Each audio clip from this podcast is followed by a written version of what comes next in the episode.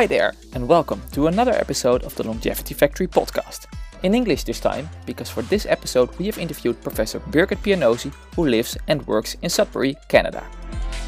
The mission of the Longevity Factory is to inspire people and organizations to change their way of thinking about our aging society. Instead of saying that we grow older, we emphasize to think about living longer and living happy. We believe that this is important as our life expectancy is increasing at a fast pace, Children born in the Western world have a big chance to live 100 or even 130 years. What does this mean for us as individuals, families, organizations, governments, or even us as a society? Well, we don't have the answers yet, but in the Longevity Factory podcast, we invite experts from all over the world to talk about our longer living future selves. In this podcast, we meet with Birgit Pianosi, Birgit is an associate professor in gerontology and has always been fascinated about the stories of people in their later life, particularly with regards to sexuality and intimacy. In this podcast, Geraldine Visser, Tamara Mulders from the Longevity Factory have interviewed Birgit about the relationship between sexuality, intimacy, and longevity.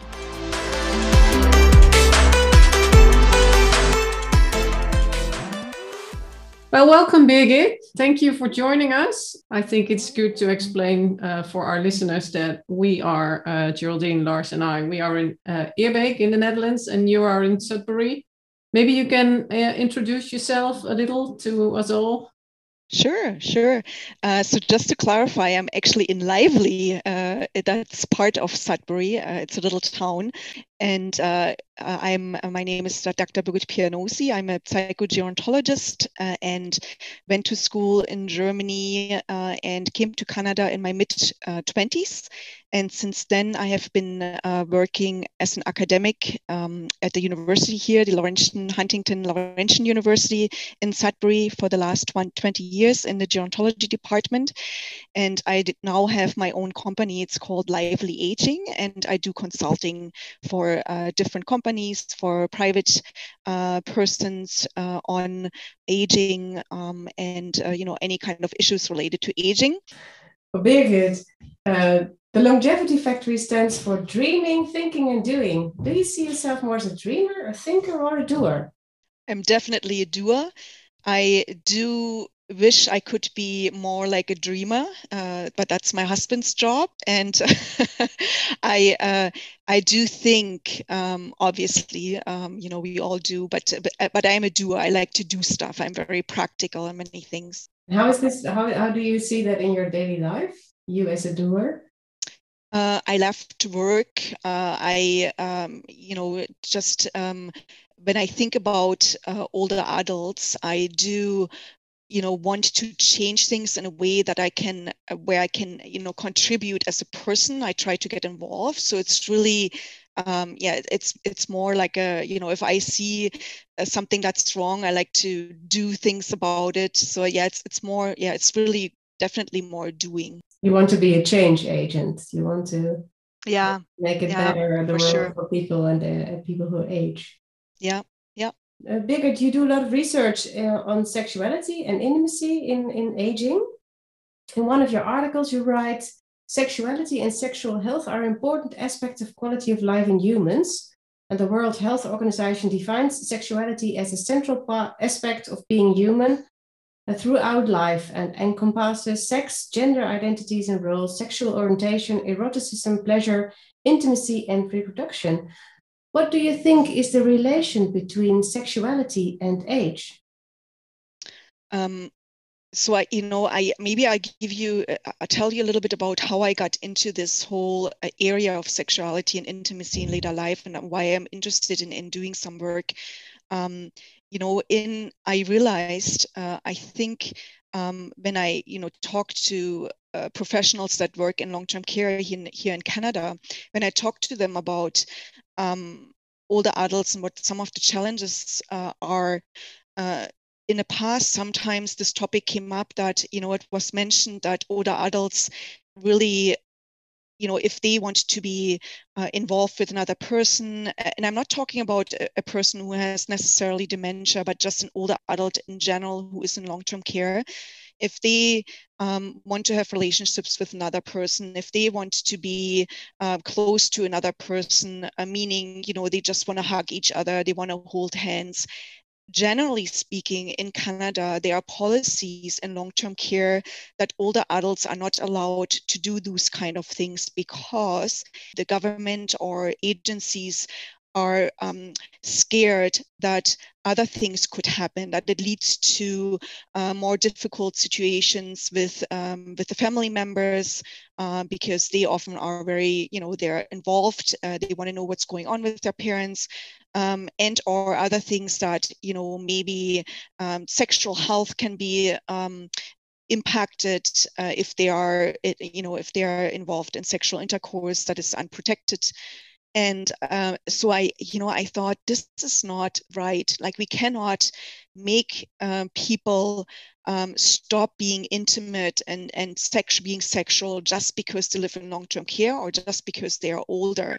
It has to be something there has to be other ways and we have to accept people for who they are. And i you know i i think that sexual health intimacy are just part of our life course and you know we need that to be healthy to be happy no matter what age we are at. So it's basically seen as a problem more than uh, a health issue um, that is healthy for exactly. you. Exactly. It's a problem. It's not uh, beneficiary to yes. your health. Yeah. So you know it's really seen from a problem perspective that um, intimacy and sexuality especially in later life can create um, problem situations or critical situations that uh, we in as the public or in in specific organizations like long-term care do not want to deal with because we feel that they might be unsafe. But in the meantime we really uh, make the life of older adults uh, less attractive uh, reduce quality of life of older adults and that shouldn't be the way how were the reactions uh, towards you when you uh, took this as a um, uh, research topic? Um, pretty positive. I have a really good team uh, that works with me, and and obviously, I think that people generally who are interested in this area are, um, you know, really trying to advocate for older adults. There are, however, also the other extremes where you know, lawyers and um, government organizations try to reinforce these kind of policies because they really feel that in our um, uh, circumstances in our environments today where we um, you know can all sue each other which is very common in north uh, north america more than in the united states and in canada but still also in canada um, organizations want to protect themselves. And so they you know go to length to to introduce different policies. But i i think generally, uh, especially my students, I uh, were quite uh, positively surprised and and I created a course for uh, my university program. It's called Zero Sex and um, the enrollment in this course was just was just uh, crazy because students I think really want to learn about it, um, but they often don't have the opportunity. So is it a top, topic for a general debate? You you call it zero sex?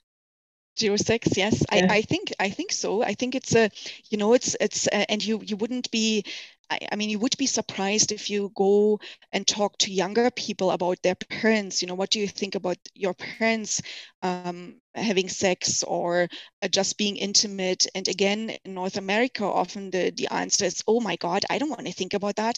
And i say why how do you think you are here of course like you know and that doesn't change you know people are intimate people are sexually involved and and i think that if we talk about it more openly it can make, be made safer and and what are the myths and misconceptions about sexuality and intimacy in later life David? So there, there are many. Uh, one of them is, of course, older adults do not have sex uh, because younger people just don't want to think about it, and um, you know they can't. I, I, think there's a difference between envisioning yourself being sexually active in any stage of your life, uh, even when you you think about your future, uh, in comparison to thinking about other people or especially your parents, your grandparents. Um, but this is, is very true that younger people think that older adults are not active sexually or that they don't need intimacy. And I mean, intimacy is really uh, a, a, really large concept. You know, it, it, involves many different things. As I said, you know, it involves touching each other, but also having somebody, an intimate partner to talk to. Um, you know, about anything. Um, it doesn't necessarily mean intercourse. It means many different things. Um, another myth, myth, is that um, uh, you know, I could uh, older people pass away when they have intercourse because of the uh, the exercise that they might get is too might be too straining, and that's uh, of course not true um, as well. Um, most of the time, they're you know they know they know what their uh, limits are, and they use different you know they they become pretty creative in, in how they are involved in, in, in sexual activities. So it you know it is uh, it is a safe safe activity for them. So those are just uh, two two general examples of some of the myths that are out there here in, in North America. Yeah, and in, in, in policy in long-term care facilities, or maybe uh, especially in long-term care, is more like an ageist uh, approach uh, in, with regard yes. to sexuality. Um, what what can we do about that to change that ageism, this typical uh, type of ageism? Well, I think it's uh, it's education, education, education, education. Older adults need to be educated, uh, but also uh, caregivers, uh, volunteers uh, with us here in, in North America. We have, you know, our long-term care is, is um, is really based on a lot of volunteerism. There are a lot of people who come in on a daily basis regularly and help out for free. Um, but they are involved in the care of older adults, you know, providing activities, visiting. So they need to be aware of um, or be more educated about the needs of older adults. And, and I think for older adults, it's important because they also need to know that it's fine to be um, you know, to want to have sex. It's fine to uh, want to touch other people. Um, be encouraged if they really, if that's what they need um, to be happy and to have a good quality of life. Yes, and I think it's not a topic that is uh, uh, normal to discuss. How can we make it mm. more like a normal uh, issue to talk about? I think uh, so. There's a difference. I I think uh, in so now I'm comparing, but I'm comparing cultures, uh, German and, and Canadian culture in that in that case.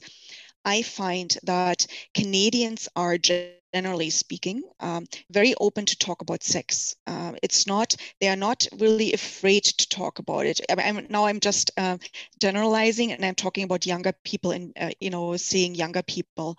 Um, in in Germany, it's the opposite. We show as a German, uh, I show my uh, my needs more openly. I go outside, I hug my husband, we go hand in hand. But uh, on the other hand, even though we are as German uh, Germans are more open in their expression of sexuality, uh, in, in, you know, in public, they are not so much talking about it. It's just the thing you do. Canadians are the opposite, I find. They like to talk about it, but they don't do it and like they're not openly open in the public. It changes when you get older and you talk about it about older adults. Okay, that's again, that's something you just a taboo you don't talk about. So I, will give you an example, uh, which has to do with intimacy, not sexuality. But when I came to Canada, one of my best friends, who is a Canadian, um, his name is Brent. He told me, uh, you know, about um, uh, because we were talking about gerontology and how I'm interested in, in aging, and, and he said he could never imagine to have to clean uh, or wash his mother uh, when she is, becomes frail and is older, uh, because it's after all it's his mother. She, he has never seen his mother naked in his whole life. That would be like that. You just don't do that.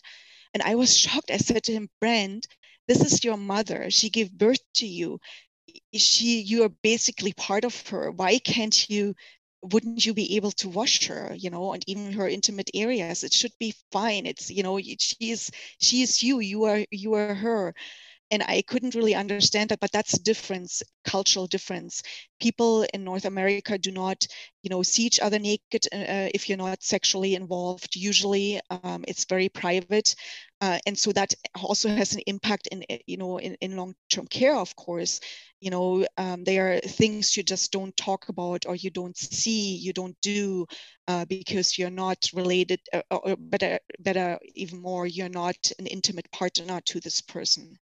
Um, so it's a very different uh, approach to or understanding of what intimacy and sexuality are in comparison to European countries, many European countries who are much more open with, uh, you know, being naked of in, in front of each other, being intimate with each other without sexual involvement um, you know holding each other's hands doesn't mean anything. I walk with my sister holding hands or my best friend uh, my best girlfriend. That doesn't mean we're lesbians at all. It just means we're um, you know we, we love each other in, in, a, in a sister and friend way um, so it's a different understanding of you know uh, how relationships work and what are, what is part of a, of a relationship um, so very different, very different understanding of, of, intimacy and sexuality depending on the culture you're coming from. Another topic, uh, uh Birgit, uh, the, the chances of living longer in good health are increasing. Uh, do you think that sexuality and intimacy are important for longevity? Oh, 100%. 100%. I think that you know in order for us to to live long lives we need to be healthy and health includes um, sexuality and intimacy, whatever that means for each individual. I'm not saying that everybody has to be sexually active. That's not what I'm saying. I'm, I mean, you know, what you need in order to feel healthy, happy, uh, to be satisfied, to um, you know, to feel like the quality of life is great, uh, you should be able to do it. Um, and you know, eh, if you are living in long-term care or in a nursing home, or uh, if you live in your own home, you should be able to have privacy and, and do the things you enjoy. Uh, and, and, several studies uh, show that middle-aged men who are more sexually active uh, have lower mortality risk from coronary heart disease and middle-aged women who have a good yeah. sexual quality seem to be protected from cardiovascular risk in later life. What what do you think about that? Well, I think you know we're as as as humans we are um, you know all our functions all part of us are is, is connected so if we are um, you know happy in, in a sexual way if we are happy in who we are um, you know that of course impacts our health overall um, because we are satisfied you know um, sexual you know being sexually active is, is after all an activity so you know if you're more sexually active you're also doing more exercise um, and it also impacts uh, our relationships. We know that you know our social relationships have such a large impact on our quality of life, but also life expectancy. If we are, you know, we've seen that in the pandemic now that if we don't have those social relationships, if we don't get visitors, if we don't, you know, if you are unable to touch other people and be in contact with them, um, that really has a negative impact on our life expectancy and health. Um, so it is just, you know, makes common sense. Yes, it, you know, we need to, it's just part of our life, like, like anything else, like having, um, you know, access to water and, and food and, and uh, uh, being intimate and, and um, sexual is just part of that, of who we are as humans it's really interconnected like sexual health is also a physical health it's it's psychological health it's social health um, it it, yeah. it keeps you from being frail maybe i is, is is what you say for sure. And you feel you know um, i have one colleague of mine who leads um, uh, manages a long-term care home here in sudbury and and she explained to me too that they're you know they really try hard to help frail older adults in in the home in their home to um, support them if they want to have sexual intercourse. They actually help them to get set up. And you know let's say they're in a wheelchair they provide you know help to them the assistance so they can be sexually active. So there are very good examples of uh, even long-term care homes uh, in canada and in ontario that uh, you know provide you know whatever they can to the older adults but that's unfortunately not the norm yet. Well referring to the government uh, what would you advise uh, policymakers? Um, and if there's one thing you um, would like to advise them, what would that be? Really, you know, taking policies for what they are. They're kind of guidelines, but they shouldn't be written in stone. You know, I, will give you an example. An older uh, female couple, they're lesbians. They go, it's a hot day, and they're going into uh, the cafeteria, and it's very hot in there. And so the the partner who's living with dementia is starting to take off her top. So she's sitting uh, in the common a dining room uh, just with her bra, uh, but she took her blouse off. And so, what are you know some of the the normal reactions or the, the usual reactions within long-term care would be of other residents to start saying, oh, that's inappropriate, or they just, you know, tell, you know, they start screaming and oh, you know, they get all stressed out. And the care providers might say, you know, run back and they say, you can't do that, that's inappropriate. And you know in a rude voice. But really what we really want to do is to understand why is this older adult doing that? And the reason is she's warm. Um, so she doesn't realize it's not appropriate to take off your blouse. Uh, but to you know to remind her you know maybe put the blouse back on and we'll uh, we'll turn up the air conditioning a little bit or we'll bring you in, a, in an area where it's cooler rather than you know creating a problem out of it because it's not really a problem. She's not hurting anybody. She's just you know hot and taking off her, her top so approaching those kind of things in a more positive way and and seeing it um, you know not just all as policies and we have certain regulations but really trying to understand the older person and supporting them in their needs. I, I think that's what I would tell uh, government professionals. That's what they need to do to, to, to see the human first. Is that the biggest sacred cow that needs to be killed, or are there more sacred cows to be killed? no i think that's it. I think we, we just need to be more human and, and be more understanding to of each other of different needs. Everybody is different. You know i can tell you how you want to be intimate and sexually involved and you can't tell me but you know whatever makes you happy and if doesn't hurt anybody else do it. Go for it you know? Make yourself happy. That's all that's all that counts i think and, and another topic uh, birgit what what advice would you like to give to people who are not in a sexual relationship hmm um, well, if you can make yourself happy, do it. you can, you know, also there's uh, great sex shops you can go to in Europe, even more than in North America. Um, but, you know, it's um, that's, you know, some people don't want to be in sexual relationships, others do uh, want to, do want to be. So it, there's different people out there that may be still looking for a partner, or, you know, other people are happy to be alone and and uh, don't need that. So it's you know, it really depends on who that person is again. And you know, I hope if they're looking for a partner, I hope they can find the right person. Um, I think there's someone out there for everybody, but sometimes it's hard to find that other person. A fundamental part of the Longevity Factory is our group of longevity explorers. This growing group of people from all ages is always involved in all activities of the Longevity Factory. One week before recording the podcast with Birgit, we asked them what they wanted to ask to Birgit. Their question and answer will follow in the next item. There is more to explore. Birgit, you know, in Longevity Factory, we work together with a, a lot of longevity explorers. Um, one of our longevity explorers, uh, uh, Ria, she asked also a question uh, to you. And her question is How can we bridge the gap between younger and longer living generations in thinking and talking about sexuality and intimacy? What can they learn from each other?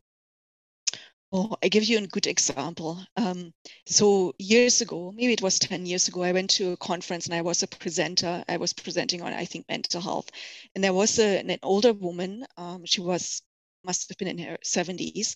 And I hadn't seen her for quite some time. And I, I remembered when I saw her earlier, she was you know, average older, um, you know, was then a little bit younger, but uh, or had lived a little bit uh, less long. and uh, so when I saw her again, she was such a like she was just beaming. She was so happy, and you could tell like something is happening here. She's like she's really she changed. And I said to her, you know, you look great. And she said, yeah, you know what? I just met her. Her husband passed away, and she had just uh, a couple of years previously, and she said she has just met the love of her life and she has never been so happy before. And you know she said to me you know the sex is just incredible and i you know we get along so well. It's it, that's the man she was always looking for.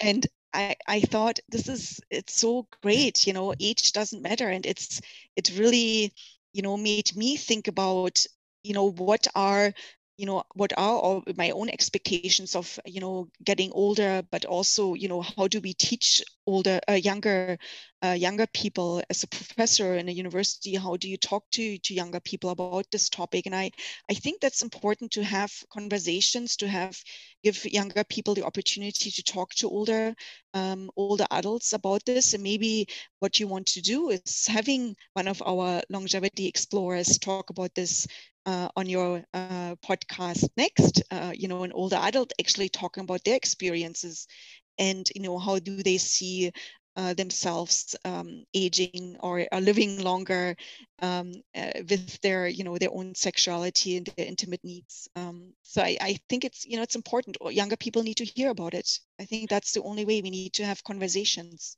So i think it's a win-win situation. It's great for the for the older adults to know that they're you know there are younger there are younger people that care. There are younger people out there that are interested in their stories and they can still contribute. And on the other hand for the younger people to hear that life is not over if you you know after 65 that there's a lot of potential uh, and it makes you know makes your whole quality of life for your whole lifespan better if you know that you know 65 is just the beginning you know and, and a lot of things can happen after that. It's not it's not the end. I, I think it's important for the young people to hear that as well. And and in in high school uh, i don't know uh, how that is being done in in canada but in our high schools we have like uh, sexual education uh, but it's really quite on the physical part there's not a lot mm-hmm. on the intimacy part you mentioned eh? because int- intimacy is much more than sexuality um, I think um, how can we can we use older people in in in education really to uh, make make younger people more aware about the importance of being intimate instead of just being sexual with each other oh for sure and and uh, you know examples like our pandemic is is uh, great to use. We have now we have kind of momentum to say you know you see what happened when you know older adults weren't able to see their relatives and and you know their uh, i mean we have already studies out that show that the older adults are um, much frailer than they used to be uh, that you know have been living isolated uh, because of the pandemic. Uh, their health status are um, you know they're lower um, quality of life is less. Um, it really has impact on you know on on everyday on the everyday life of, of an older person. Um, and that has an impact on our whole countries you know on our economy on you know if you might you might get people listening if you talk about money so it has an impact on economy because if they're not healthy um, aging in a healthy uh, you know most healthy way then that has impact on how much money we we spend on them.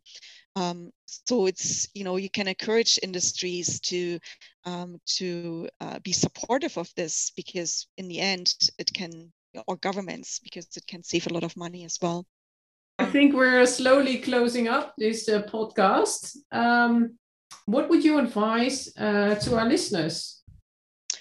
I I think just you know we are all we have to feel comfortable talking about things and i i'm not comfortable enough to, uh, to talk about in detail about my own sex life but i'm you know open enough to talk about uh, you know our needs uh, that we you know that I might have or or other people. Uh, we have to be able to to listen uh, and just share experiences and take people for who they are and and for what they need uh, because what what I need is not what you know somebody else may need. So it's it's really you know it it involves to be uh, more open-minded i think and includes intimacy and sexuality to really um, look deeper and understand older adults and uh, try and support them in, in, in what they need.